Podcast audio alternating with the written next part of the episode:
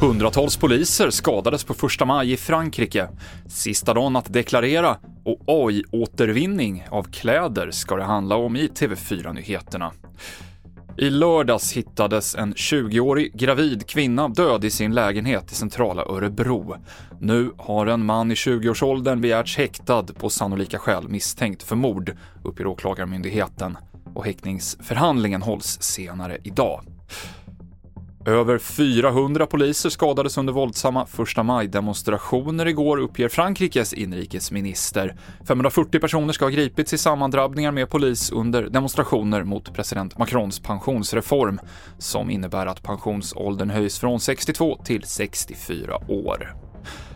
Idag så är sista dagen att deklarera, men om du verkligen inte hinner kan du ansöka om anstånd och då får du två veckor till på dig att lämna in din deklaration. Anstånd i det här läget, sista minuten, är ju för att jag behöver mera tid på mig. Till exempel eller att jag behöver en redovisningskonsult. Då är det bara att logga in på mina sidor och, och an, eh, få den här anståndet digitalt. Och har man inte e-legitimation, då kan man ringa till skatteupplysningen.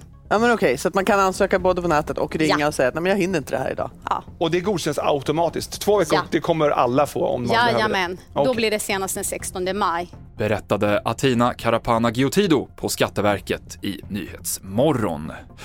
Och till sist kan vi berätta om ett nytt projekt för återvinning av kläder som testats på Science Park i Borås. Idag så kastar vi drygt 9 kilo textilier per person och år.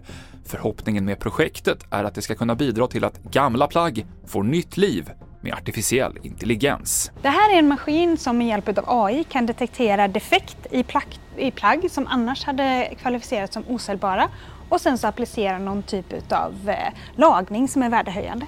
Det kan handla om eh, brodyr, det kan handla om tryck eller det kan handla om att man kanske helt enkelt bara byter ut en ärm mot eh, en hel ärm.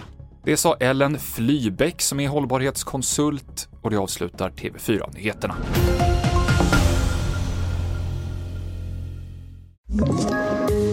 Poddtips från Podplay. I fallen jag aldrig glömmer djupdyker Hasse Aro i arbetet bakom några av Sveriges mest uppseendeväckande brottsutredningar går vi in med hemlig telefonavlyssning och, och då upplever vi att vi får en total förändring av hans beteende. Vad är det som händer nu? Vem är det som läcker? Och så säger han att jag är kriminell, jag har varit kriminell i hela mitt liv men att mörda ett barn, där går min gräns. Nya säsongen av Fallen jag aldrig glömmer på Podplay.